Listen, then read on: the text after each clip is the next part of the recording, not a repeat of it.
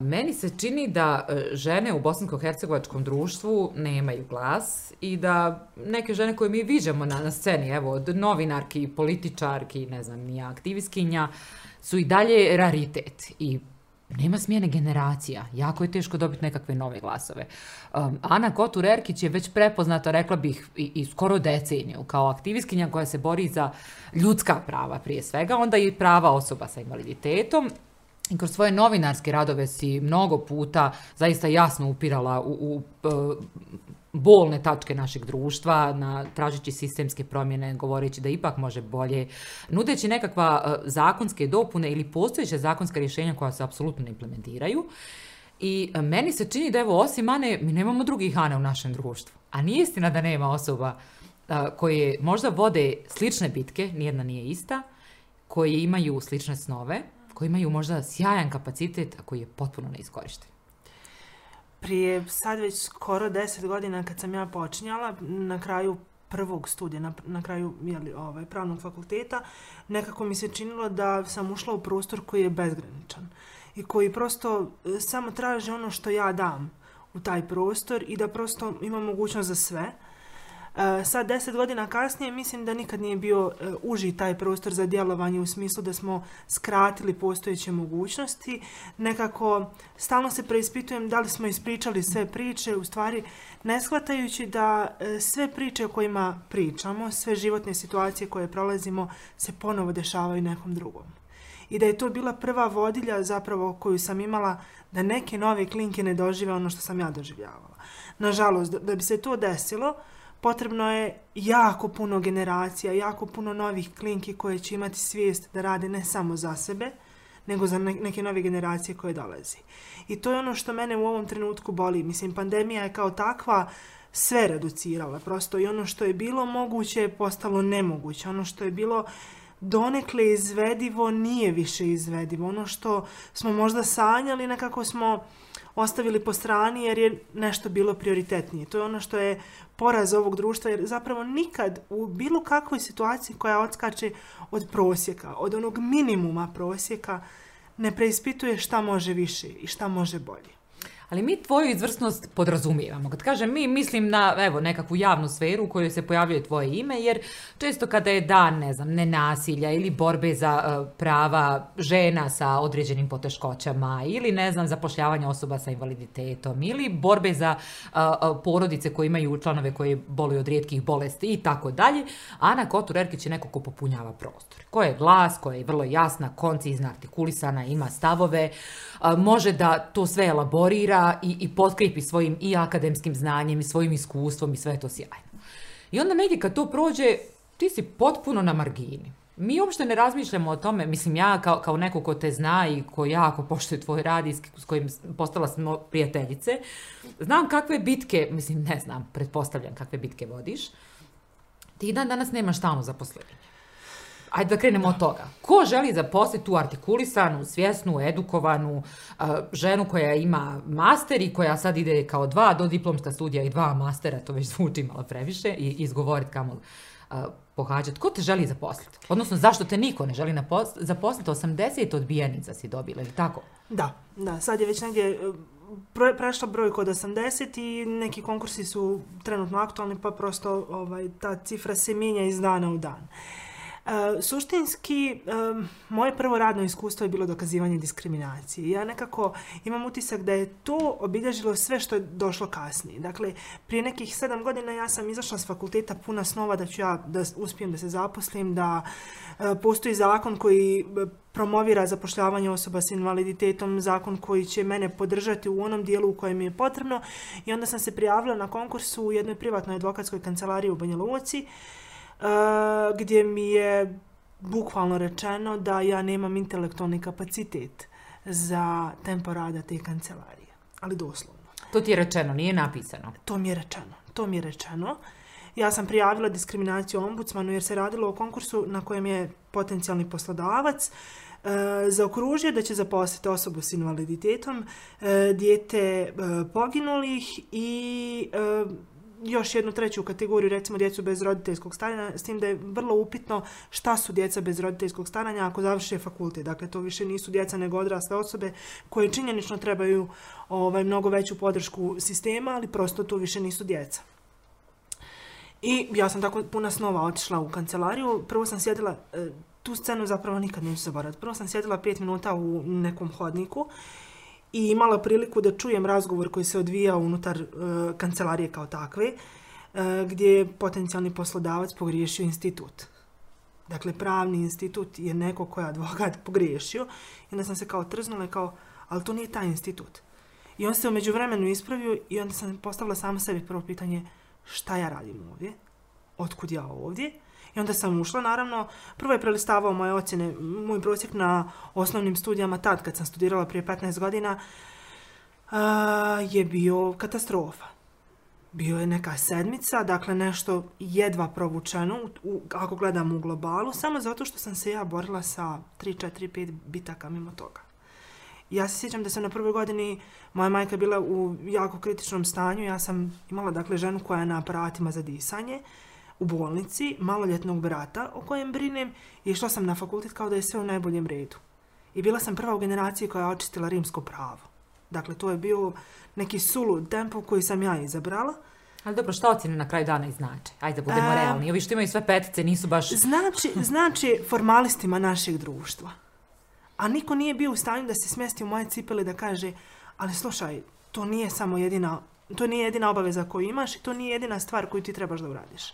Mnogo je bitnije da ti budeš ok u svojoj koži, da ti živiš sa svojim stanjem, da to stanje bude najbolje što može biti i evo, prosto podržat ćemo te, ne znam, ne moraš doći na vježbe na fakultet ili ne moraš doći na dio predavanja, kontaktirat ćemo mailom. Mislim, tad, mail, tad je mail bio nepoznanica. Danas kad sam opisala dva dodiplomska studija i dva master studija, jer zapravo niko ne želi da studira, a ja sam to izabrala kao mehanizam da sačuvam zdrav razum, jer preispitivanje da li vrijedim, da li ne vrijedim, e, zašto ne vrijedim i šta je ono što poslodavcima smeta kod mene, je strašno. U doba izolacije od godinu, godinu i po, to je još gore. Prosto jer i ono što je bila moja sigurnost možda u nekom trenutku prestala to biti. I onda je kao bilo, ok, a šta ćemo sad? kako ćemo se izvući iz svega toga, kako ćemo naći zdrav mehanizam da živimo sa sobom, bar e, e, u onom dijelu u kojem možemo, govorim mi, jer prosto to je odluka koju ja donosim sa svojim suprugom. I onda je bilo kao, ja bih upisala četiri fakulteta. I on je bio prva stepenica koju sam morala da savladam. Izvini, ali kako četiri? A zašto četiri? Pa reko, našla sam, ne znam, e, međunarodne odnose i europske studije na Burču, to mi je super, sve je online, mogu da radim od kuće, nije mi uopšte frka. E, građansko pravo, prava djeteta na Univerzitetu Istočno Sarajevo je nešto što ja radim 10 godina. Mislim, ja odoh po diplomu u tom smislu. Rodne studije u Beogradu, pa nemamo nigdje drugo rodne studije, ja stvarno moram da odem na rodne studije, ja moram da upotpunim svoje praktično znanje onim teorijskim. I znaš, odnosi s javnošću, Filozofski fakultet sveučilišta u Mostaru, ma to je jedna super stvar, imaju ovdje u Brčkom. ispostavu, mogla bi da komuniciram preko Brčkog zapravo sa Mostarom, na kraju sam se prebacila definitivno u Mostar kao vanredna studentica i prosto u, u, tom trenutku kad sam sve to završila, kad sam posložila sebi ta četiri fakulteta, ja sam prodisala. Ja sam prestala da se pitam zašto nemam posao. Mislim, strašno je to je, pazi, to je takvo fenomenalno popunjavanje tog jednog ogromnog prostora koji boli. Mm. Koji kaže da Ana Kotur Erkić nakon deset godina svog aktivnog rada i, i diplome kojom si već taj akademski prag, dakle, odavno pokazala da studirala sam, da završila sam, da sjajna sam novinarka, da ja sam sad pravnica, idemo dalje. Ali je poražavajuće da četiri fakulteta sada moraš da balansiraš da bi tu svoju emocionalnu, e, e, pa i uopšte je pitanje svog postojanja ili razloga, smisla, traženja popuniš i, i ovo možda će zvučat grubo, ali, ali vrlo je legitimno pitanje od čega živiš. Mislim, jer za, za, i studiranje trebaju neke pare, a vjerovatno su roditelji odavno prestali da te finansiraju. E, nažalost nisu. Nažalost nisu, bez obzira što prosto sam došla u godine u kojima bi bilo logično da sama sebe financiram ako ne već e, da me financira suprug. E, nažalost, moj otac još uvijek bude taj od kojeg ja tražim za neke stvari koje su mi potrebne u datom trenutku. Dakle, mi to negdje balansiramo u, narednom periodu jer je on prosto čovjek koji će za moje obrazovanje uvijek dati. Dakle, e, kad sam bila prvi taj fakultet, kad sam završavala, bilo je situacija u kojima on ima platu od, ne znam, 500, 600, 700 maraka, ali za moje knjige koje u tom trenutku koštaju 50, 60, 70 maraka po predmetu, mora biti. Prosto mora biti. Jer moja ljubav prema knjigama nije bila upitna. Ništa sa njim nije bilo upitno. Um, ono što je strašno meni sa ove tačke gledišta jeste što sam ja svaki put neko kad zatreba institucijama koje će popuniti prostor koji oni ne znaju kako da popuni. Koji ne znaju kako da završi, a da to ne bude forma, za im treba pokrići u smislu eh, ali imali smo nekog eksperta, eksperticu koja je radila na tome, imali smo nekoga ko to zna, imali smo nekoga ko se time bavio godinama i onda kao kad prođe tih 2, tri, pet deset mjeseci, eh, žao nam je, mi više nemamo mjesta. Dakle, eh, ključno pitanje koje ja sebi stalno postavljam, kad ću ja preći taj prag prihvatljivosti u ovom društvu? Jer je sa mnom sve problem. Problem je procedura zapošljavanja. E, dakle, kad moram da nazovem e, šefa odbora za zapošljavanje, evo konkretno u Brčkom, da zamolim da testiranje sa trećeg sprata neke zgrade koja je nepristupačna spusti u prizemlje neke osnovne škole. I on to i dalje ne uradi. I onda ja tako prolazim 30 konkursa gdje moj suprug ujutro izlazi iz posla, ne znam, u 8 i 15 treba da bude na poslu, on bude u 25 do zato što ode sa mnom, jer se neko mora sa mnom popjeti u stepenice. Kako ću se ići, to je sad već drugo pitanje. To više ne brinemo, bitno je samo da se poprem. I onda kad e, dođem u situaciju da 30 situacija tako prođem, 30 takvih istih momenata, i na 31. i 32. se žalim, onda me pozovu u policiju da me pitaju zašto imam prebivalište u Banja Luci, a boravište u Brčkom.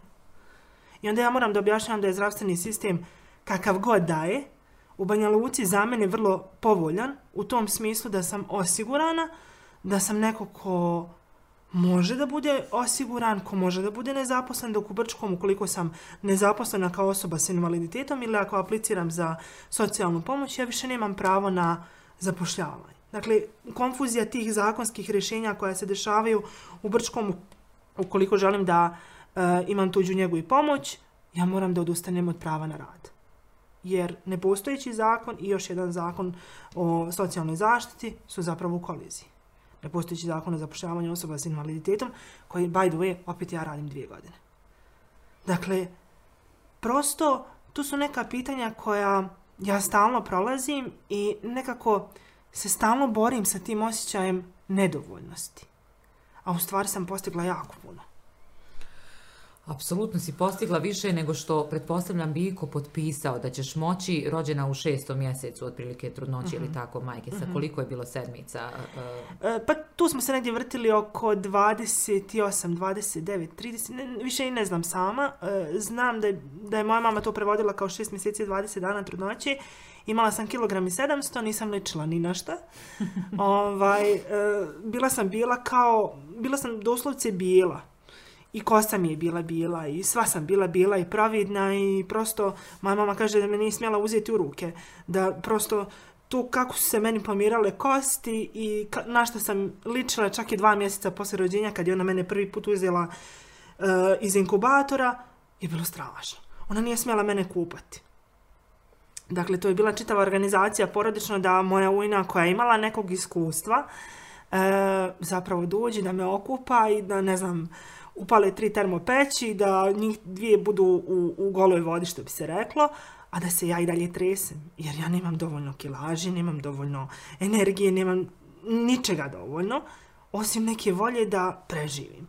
I to je bila jedina informacija koju je moju mamu, koja je moju mamu držala u trenutku kad sam ja rođena.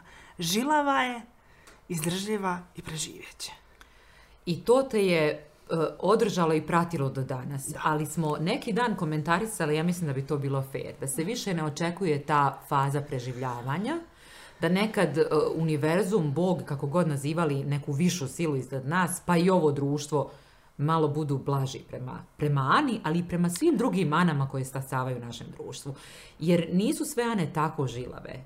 A mi se ovdje busamo u prsa e, ljudskošću, empatijom, humanošću, e, kao prepoznajemo ranjive kategorije, o inkluziji se priča naširoko i naveliko. A kad se vratimo, e, sam konkurs za posao je za tebe izazov. Kamo li da neko zaista kaže, hej, ova žena zaista može nešto i raditi. I mogla bi raditi od kuće dva dana, tri dana dolaziti u kancelariju čisto da je fizički bude lakši.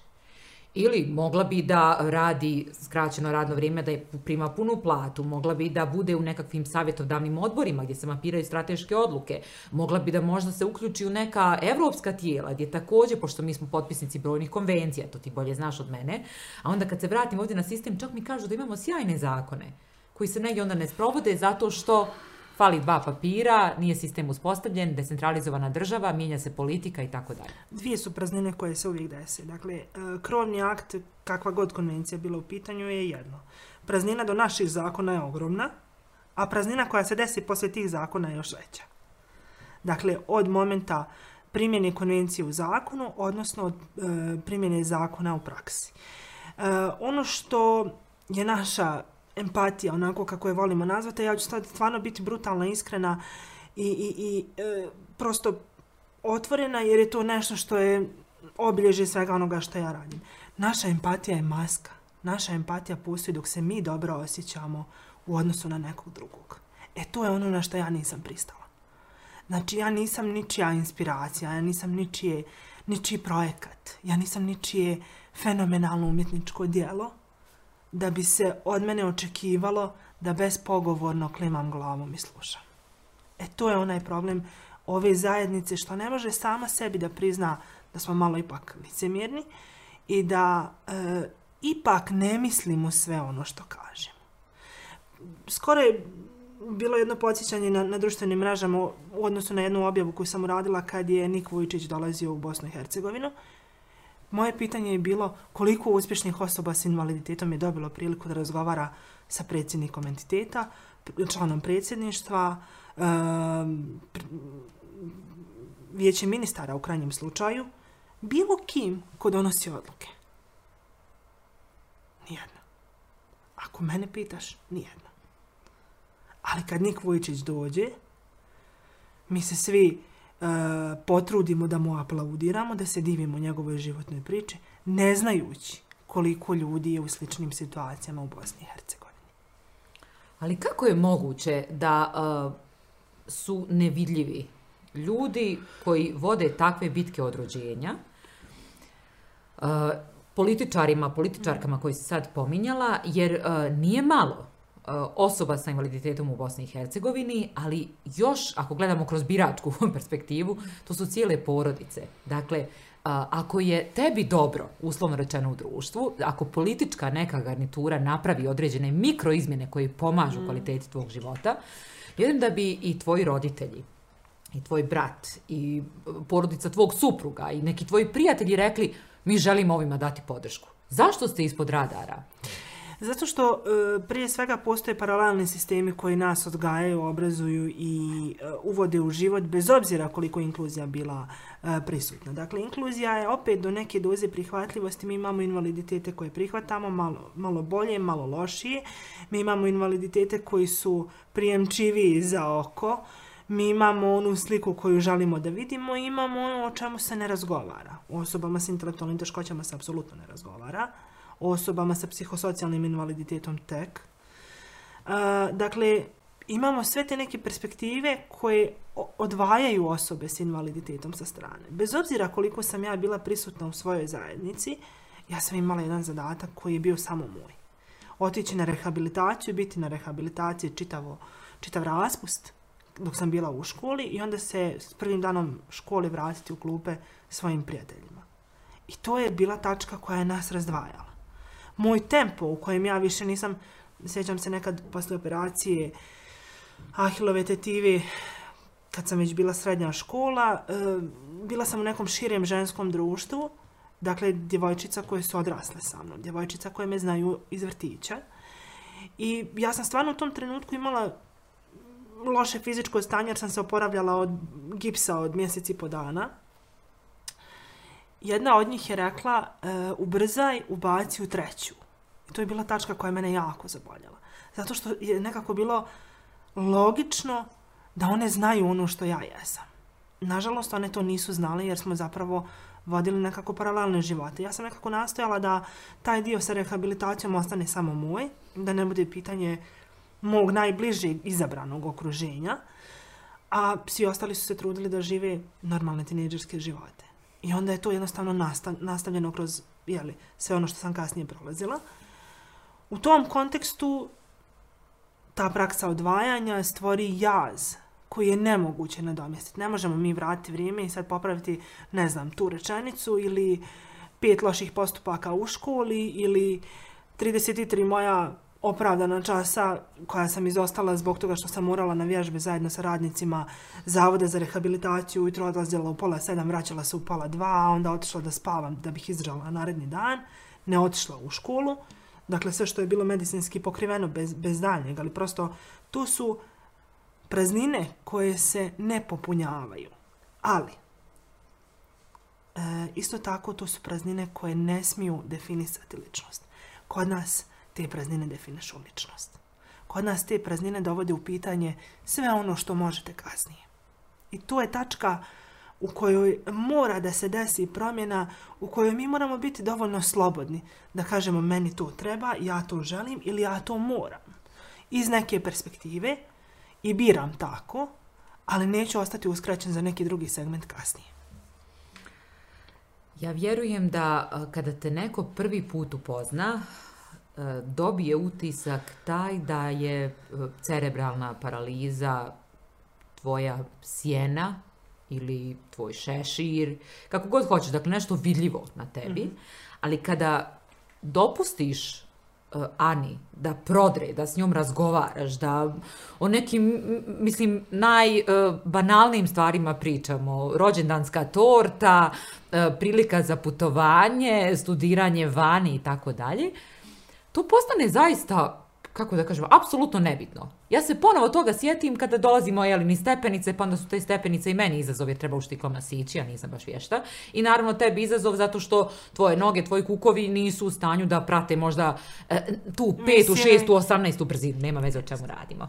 Ali si pomenula ovo sjajno da kod nas Postoje ti neki nevidljivi parametri gdje, dijelimo osobe sa invaliditetom na one koji su negdje prihvatljiviji i oni koji su malo manje prihvatljivi i oni koji su šampioni pa njih imamo dvije osobe tipa ne znam Nik Vujčić ili već ko, dalje se na svjetskom nivou i kao aha, oni su uspjeli, svi ostali mogu.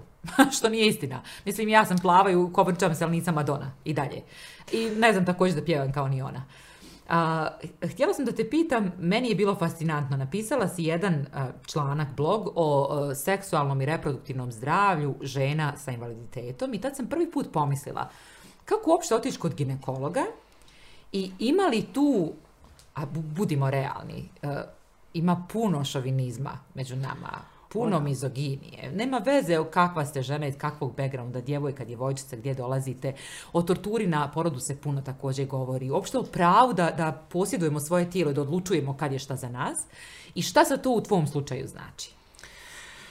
U mom slučaju to je značilo da sam opet jedna u milion jer sam imala e, specifično zdravstveno ginekološko iskustvo jako rano kao djevojčica, nakon čega je dakle, bio u pitanju jedan operativni zahvat nakon kojeg je e, moj ginekolog mojoj majici rekao da se nada da, da ću ja naći muža koji će razumjeti tu situaciju.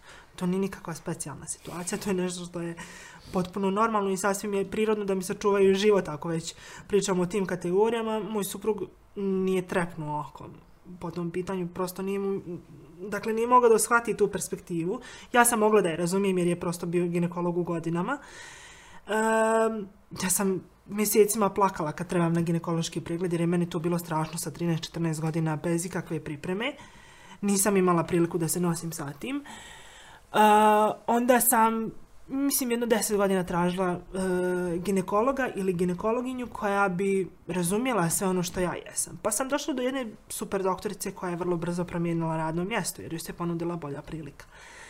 Pa sam onda naišla na drugu doktoricu kojoj sam bila nešto kao osmo svjetsko čudo. Zašto?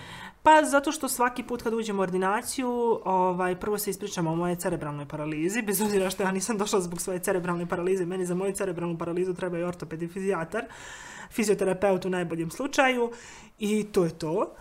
Ovaj, I kao svaki put kad izlazim ostaje eho iza mene gdje ona medicinskoj sestri kaže da ja imam cerebralnu paralizu ili medicinska sestra ulazi u sred ginekološkog pregleda da tako nešto eh, njih dvije prokomentarišu, a ja sam u, u sekundi, mislim prvo tineđerka, drugo neko koji je jako nesiguran u sebe u, u datom trenutku jer prosto moje tijelo nije tipično. Svaka dodatna netipičnost mog tijela i svaki dodatni proces koji moram proći je dodatni teret. Dakle, jedna otežavajuća okolnost koju ja vrlo teško varim.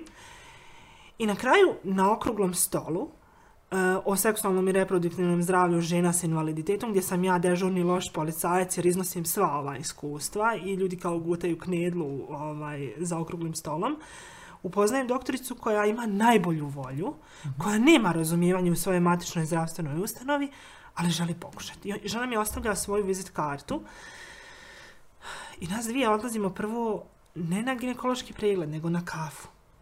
Dakle, u, u, u centru grada pijemo kafu, čak s njenom kćerkom mislim da smo popili kafu i ja sam nju donijela gomilu tih nekih nalaza, stavila na i rekla ja imam gomilu trauma, i ja vas molim da me razumijete. I onda ona rekla, ja ne vidim zašto bi ti imala traume, mi ćemo to sve vrlo jednostavno i od tog trenutka zapravo ja imam doktoricu. Ali to povjerenje je tako važno, vjeruj mi za sve žene kad uspostaviš povjerenje, jer sve smo mi vrlo nesigurne i realno odrastajući rijetko kad smo imali priliku razgovarati i sa mamama o, o tom dijelu e, ginekološkog pregleda ili uopšte seksualnog zdravlja, u školama se o tome ne priča, postoji ta neka stigma posebno u malim sredinama i vrlo će, rijetka su iskustva naših generacije, sad će to možda nekim mlađim djevojkama zvučati zbunjeno, ali na prve ginekološke preglede ja sam išla ili sama ili s drugaricom, ne sa mamom, jer to nešto bi značilo da sam trudna. A to je, jeli... To je bauk u malim sredinama. ovaj, e, ja sam imala sreću da je moja majka bila nekako otvorena shvatanja e, na način da me je pripremala na sve to u teoriji. Dakle, govorimo o teoretskom nivou svega toga. I kao, bila ta koja me bodri, koja me ohrabruje, koja kaže ti biraš. A onda kad se ja našminkam, možda malo previše kao srednjoškolka, moja mama kaže, Bože sačuvaj. Jer iz nje progovori strah. Dakle, šta će mene sve dočekati u tom surovom svijetu koje ona više ne može kontrolisati. Ja to jako dugo nisam razumjela i jako dugo mi je bilo teško shvatiti mm, taj međuprostor koji se desi, tu prazninu između te dvije krajnosti. I onda kao, aha, ona se stvarno bojala. E, u trenutku kad je moja doktorica prelazila u svoju privatnu praksu e, i kad je najavila da će da priđe u svoju privatnu praksu, ja sam prvo pomislila, bože, ne, opet doktorica odlazi. I opet sam na početku, da bi ona mene pogledala i rekla, ali ti ideš sa mnom. I moja doktorica je meni sad trenutno, e, ako uzmemo da boravim i u Banja Luci, u Brčkom, nekad u trenutku kad sam u Brčkom, 200 km je od mene, ali je na poziv tu i na sve ono što je meni potrebno da bi se dobro osjećala, ona je zapravo tu. I e, ključni moment, to je, nebitno je da li je u pitanju ginekolog, da li je u pitanju ortoped kojeg sretnem nakon operacije ahilove tetive u noćnom klubu, jer ja izlazim u noćni klub, a on je igrom slučaja tu sa nekom svojom ekipom, ako ćemo to tako nazvati, i koji s snime otprilike kako hodam i kao dobro je, idemo dalje. Ili ne znam, ortoped koji me je operisao kao dijete, prenio me na rukama u bolnički krevet i koji me 15 godina kasnije sretni kaže, mala, i dalje kilogrami imaju ključnu ulogu, znači moraš to da riješi da bi ti bilo lakše. Ili ne znam, moja doktorica fizijatrica koja je u trenutku kad sam ja pala u srednjoj školi e, iz maternjeg jezika, da stvar bude tragičnija. Kako misliš ovaj, pala? Pala ono na popravni. Pala na popravni, jer nisam bila redovno na nastavi. I obrazloženje moje profesorice koja je inače fenomenalna žena, e, je bilo nisi bila redovno, nisi pratila ono što je bilo potrebno i zato si pala i evo sad ćeš da odgovaraš sve i 45 minuta sam odgovarala gradivo jedne čitave školske godine da bih dobila četvorku. Mislim što je sulud. Ako padneš iz maternog jezika na popravni, to je u, u vrglavi borba za dvojku. Ja sam dobila skoro po najbolji Ja bi samo da ovim generacijama kažem da evo na istom smo mjestu, razgovaramo, kapiramo se, podržavamo se, a mene su ostavili neocijenjeno jer sam bježala, bilo mi mnogo dosadno. Tako da ovaj, koja god bila krajnost, dakle, ako nužno, nužno si da niste na časovima ili prosto vam se ne da, sve ok, preživjet ćete. to prežive, se, se i dobre i loše ocjene. Neki dan sam imala priliku, u stvari kad sam upisivala ovaj diplomski studij, sam imala priliku pregledati svoje ocjene srednje škole kao, o bože, ko je ovo bio? Mhm. Šta se ovdje dešavalo? Ko je ova osoba? Kakve su ovo ocjene? I onda na kraju kao sve petice u četvrtom ili skoro sve. Ovaj, i kao, aha, e, to sam ja, tu se prepoznajem. Zapravo, te tri godine su bile faza samoprihvatanja i to je nešto što sam morala proći. Kao svaka djevojčica, a kao djevojčica s invaliditetom posebno. Mislim, to je, to je potpuno druga dimenzija u odnosu na ono što je djevojčica u današnjem svijetu. ali ono što e, tebe krasi, ja mislim, jeste ta faza sazrijevanja u kojoj je tvoja e, i intelektualna oštrica, ali i ta neka volja za životom nije otupjela. Često sebe pitam ko sam ja, jer što sam starija, nemam ni volje ni snage za neke bitke. A prije sam bila vrlo e, otvorena, konfliktna, ulazila u sve što mislim da e, nije pravično, da ja mogu da promijenim. Sad pokušavam da se tu malo sačuvam jer prosto vidim da, da svaka bitka ne smije biti moja. Negdje je rat je na kraju ok dobiti, ali promišljeno ulaziti u, u određene rasprave. Svaka tvoja Facebook objava izaziva zaista burne reakcije i ti se ne libiš ulaziti u konflikt sa centrima moći. Stavljam pod navodne znake jer prije svega vidim da su ljudi iz nekakvog političkog miljeja, ponekad si im bila e, target e, e, meta ili sa druge strane si ti javno ih prozivala za neke njihove nesuvisle izjave, možda nenamjerne, a nekad i zaista ciljane mm. greške, za njihov nerad ili za neku vrstu, pa rekla bih, da li gluposti ili zaista izjava koje su na nivou e, petogodišnjeg djeteta, a koje zaista vrijeđaju tebe lično, tvoj dignitet, osobe koje ti zastupaš i predstavljaš i možda neku zajednicu koja se evo putem Facebooka oko tebe okupila. Ja nisam imala mogućnost za drugačije. Ja prosto nemam priliku odustati. Ja nemam priliku povući se.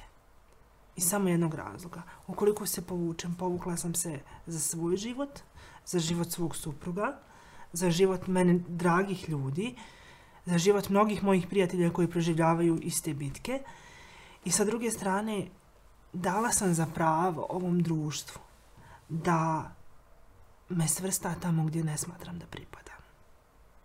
Da me stavi u kalup, da me stavi u okvir onoga što nisam ja i što je sav moj dosadašnji rad zapravo negirao kao takav, a ja to jednostavno ne mogu. To, to je prosto borba sa bićem unutar sebe. Sa onom suštinom koja jesi.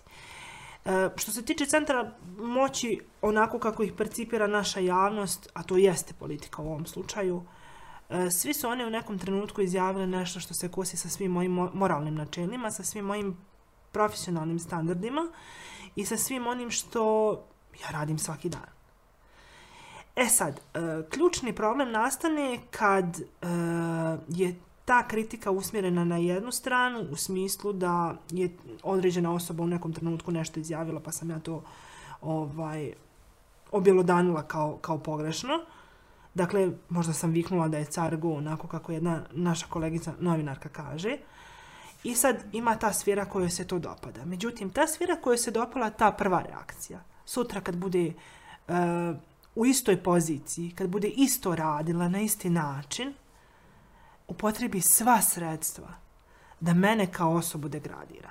E, to, je, mislim, to se negdje intenziviralo, traju ti tekstovi, te e, objave od 2017. Ja ih jako dobro pamtim svaku.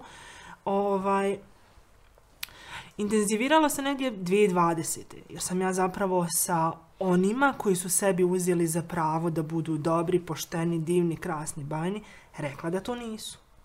Iz ugla onoga što ja radim, iz ugla onoga što ja znam, iz ugla onoga što ja živim.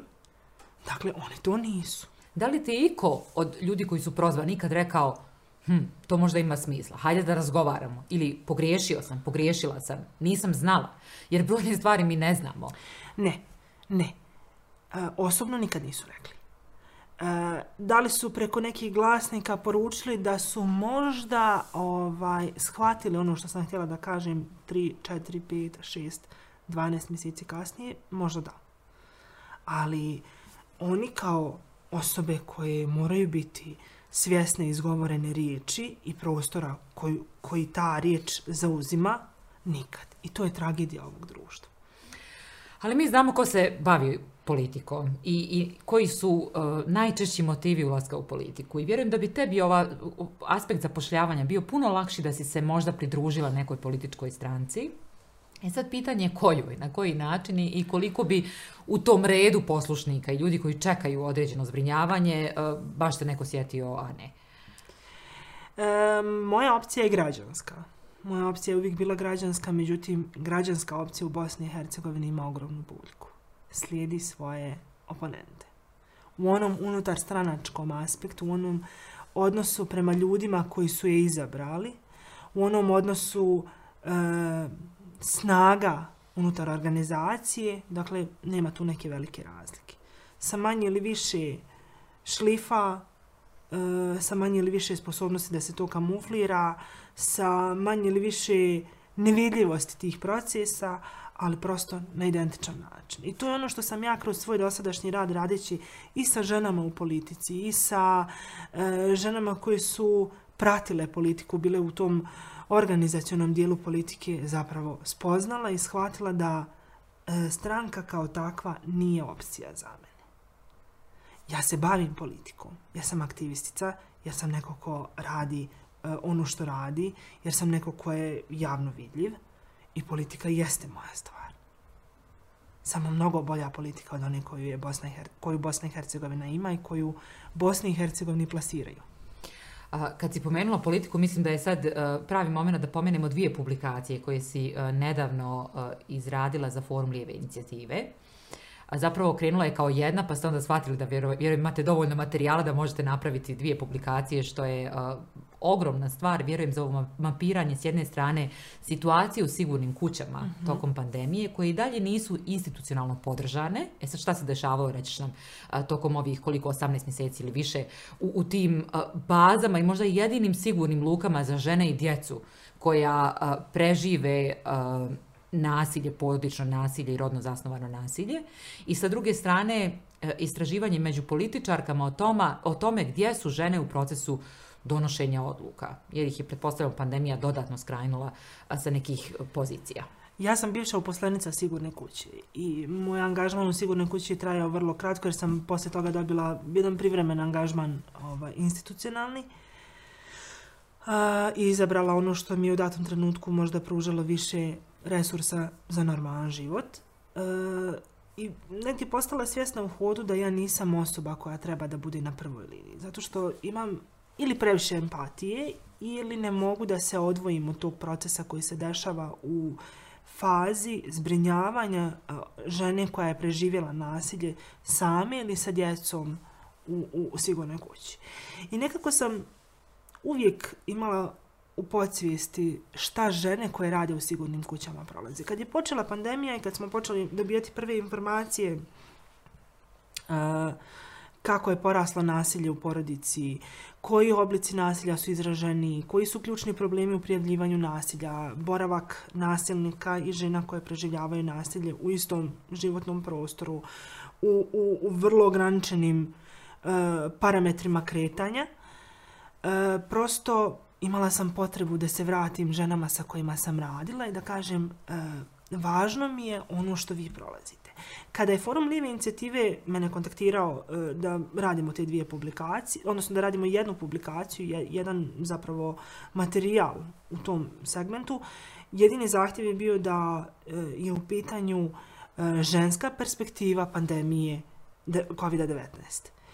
I ja sam rekla, ok, razradila to u sigurne kuće i onda shvatila da smo 2020. imali izbore, da smo sve bile prosto agilne u tome da ojačamo žene e, u politici, nebitno iz koje sfere e, djelovanja dolazimo, aktivističkog, e, novinarskog, političkog kao takvog, ali da nismo dobili rezultate, da je negdje nešto nestalo, još je manji broj žena, oprosti, koje su na mjestima načelnica i gradonačelnica i manje je bilo kandidatkinja ukupno. Manje je bilo kandidatkinja i sa druge strane njihovi kapaciteti su bili potpuno drugačiji imali smo potpuno novo svjetlo na njihovim kapacitetima. Vratit ću se e, na to dok završim ovaj dio sa sigurnom kućom. Kad sam ušla u, u, razradu samog istraživanja, kad sam počela da pričam sa ženama e, koje su prolazile fazu prilagođavanja instrukcija koje dobijam od nadležnih institucija u smislu E, provođenja u dijelo svega onoga što radi. Kad sam shvatila da nisu imale zaštitnu opremu, kad sam shvatila da nisu imale sobe za izolaciju, kad sam shvatila da je od, osam kuća koje djeluju kao sigurne kuće u Bosni i Hercegovini jedna imala prekid rada od više od mjesec dana, to je prosto bilo strašno. Kad sam shvatila da njih niko nije pitao kako se one snalaze sa obimom posla koji imaju, a sigurno je veliki jer ne možete zatvoriti sigurnu kuću. Mislim, možete ako vas okolnosti natjeraju na tu kao ovu jednu, ali sve ostale su morale da rade. Sve ostale su morale da nastave sulud tempo koji ih je očekivao. Pritom je te žene su imale kod kući i djecu, i brakove, i roditelje, i bliske srodnike koji su ugroženi. Te žene su nosile teret. Ključna rečenica koja mi je ostala je mi smo same ograničavale svoje kretanje da nekoga ne ugrozimo. Svjesne da ćemo u sigurnu kuću ili u svoju kuću ili na treće mjesto donijeti nekome bolest. E to je ono što je strašno i što niko u ovom društvu nije vidio.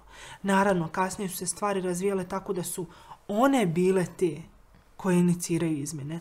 Do tački da su neke lokalne sredine revidirale svoje akte pa ih usklađivale sa međunarodnim standardima eh, ponašanja u kriznim situacijama. Što se tiče političarki, nešto drugačija situacija. Dakle, te žene imaju solidan background iza sebe. Neke od njih su bile kandidatkinje, neke od njih su bile čak eh, kandidatkinje za načelnice svojih opština. E, neke od njih su bile u izbornim štabovima kao takvim. E, njihovo iskustvo je potpuno drugačije s tim da su shvatile šta sve nemaju. Ali to je lokalni nivo koji zna biti čak i e, rigorozniji, okrutniji, tradicionalniji u tom rodnom aspektu nego neki viši nivoj vlasti, opšte naredni opšti izbori. I to je pokazalo zapravo, to je pokazala kompletna situacija sa izborima. Njima je bila uskraćena mogućnost da komuniciraju sa ljudima u zajednici. I sve što su mogle da ponude je Facebook, Twitter, koji malte ne niko od onih glasača koji se zapravo agituju u lokalnoj zajednici i ne koristi, e, Instagram. I to je sve ono što, protiv čega se one i ja sa njima borimo unazad 10 ili 15 godina. A kako misliš protiv čega se? Protiv društvenih da, mreža? Protiv, ne, ne, ne protiv društvenih. društvenih. Društvene mreže imaju svoj pozitivan aspekt. Ali protiv slike koju e, stalno stavljamo ispred politike koju žena zastupa. Kakva je ta slika? Ta slika je da je u principu e, žena u politici neko ko se nečim bavi, koji ima određene ženske teme, ko ne treba da se pita za ozbiljna pitanja i ko treba da bude servis koji će odrađivati posao za svoje muške kolege unutar stranke ili unutar politike uopšte. Dakle, neko ko će biti nositelj svega toga, kompletnih procesa, a za čiju će zapravo zaslugu da se pojavi neki muškarac. Da li si u razgovoru, u intervjuima koje si imala, shvatila da je problem prije svega da uopšte dođu na listu, jer imamo taj sistem kvota o kojem se puno priča, ne znam da li je to srećno ili nesrećno rješenje, ali same kvote nisu doprinile da imamo više izabranih žena. E sad, znam da je doći na listu velika stvar, jer kadrovsku politiku opet negdje određuju muškarci, a onda već kad si na listi, mnoge od njih, bar u nekom razgovoru koji sam ja imala razgovorima, rekli su mi, ma to ja popunim mjesto, ne mislim ja to nešto ozbiljno, neću ja voditi kampanju ili nemam ja vremena za kampanju, jer realno da biste uložili svoje vrijeme, a boga mi neki novac, treba da se ozbiljno pripremite, da imate podršku porodice, da imate mhm. podršku poslodavca i naravno najbitnije da imate podršku stranke. stvarno ne znam šta je najbitnije, ali ako nemate podršku stranke, ako neko unutar vaših redova radi protiv vas i odnosno ne računa za vas, već agituje za broj 1, broj 3 i broj, ne znam, 6, to su najčešće muškarci i 4, onda vi kao druga na listi nemate, nemate prevelike šanse. Ako govorimo o kvotama, formalni aspekt kvota je problem e, u kojem se niko nije uhvatio u suštini. Dakle, mi smo dali ženama šansu da učestvuju, dali smo obavezu nekome da ih uključi, ali nismo radili na promjeni svijesti. Bar u najvećem dijelu onoga što jel, prati političke procese. Ako govorimo o suštini kvota, mi nismo propisali kvote za institucije izvršne vlasti u koje se one biraju. Nismo propisali kvote za institucije zakonodavne vlasti, pa da nekad možda neki muškarac bude zakinut za svoju sigurnu poziciju i svoju e, poziciju iz rezultata liste sa koje dolazi. A sa druge strane, sve jedna žena s kojom sam razgovarala je prolazila neki vid hm, neprijateljstva unutar svojih redova. Da li je to bilo prije izbornog procesa ili u samom tom izbornom procesu takvom kakav jeste, to je sad drugo pitanje. E, ono što je meni poražavajuće, što sve prepoznaju da ne postoji ženska solidarnost.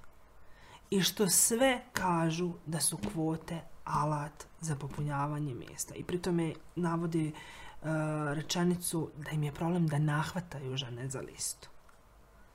Ja sam se grozno osjećala u tim trenucima jer prosto to je retorika koju oni imaju u svom prirodnom političkom okruženju. Onom koje su birale. Meni svana je to strašno. Jedna od njih je izjavila da želi da se ukinu kvote. Da li to znači da smo došli do tačke kad se naš e, e, angažman politički toliko degradirao da prosto gubi smisao svaka afirmativna mjera? I ono što je ključno, nijedna od njih nije rekla da je tu specifičan utjecaj pandemije. Možda u medijskom predstavljanju jer je ono nekako pomireno sa tradicionalnih medija na društvene mreže, gdje većina njih nema znanja, resurse, kapacitete, e, sposobnosti, vještine i ne može to da radi sama, a s druge strane nema novac, za koji opet jedna ispitanica navodi da je isključivi resurs muškarca, zato što muškarci to crpe svojih rukovodećih pozicija u institucijama, u javnom sektoru, pa lakše agituju ljudi, lakše nađu malog koji to zna da radi. Pitanje je koliko mali to zna da radi, ali u suštini e, računaju na neku podršku, e, dok one to nemaju. Pogotovo ako se pojavljuju prvi ili drugi put u politici.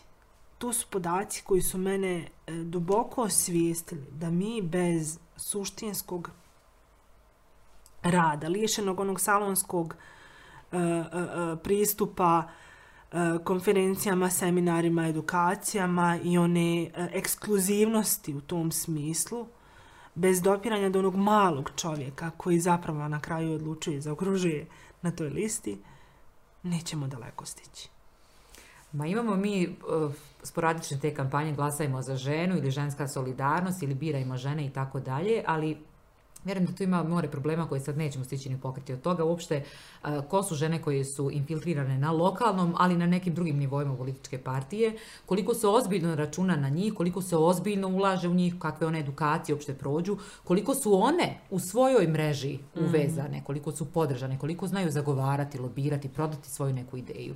Šta je sa e, njihovim socijalnim okruženjem, koliko ih podržava, e, šta je sa lokalnim medijima koji mogu sa jednim naslovom, sa jednom rekla bih, ružno trač partijom ili jednim lošim mhm. postem, postom, karikaturom, da unište i da ih ponište potpuno njihovo postojanje, da degradiraju sve ono što one jesu i onda se pitaju kao što mi ovu u životu treba.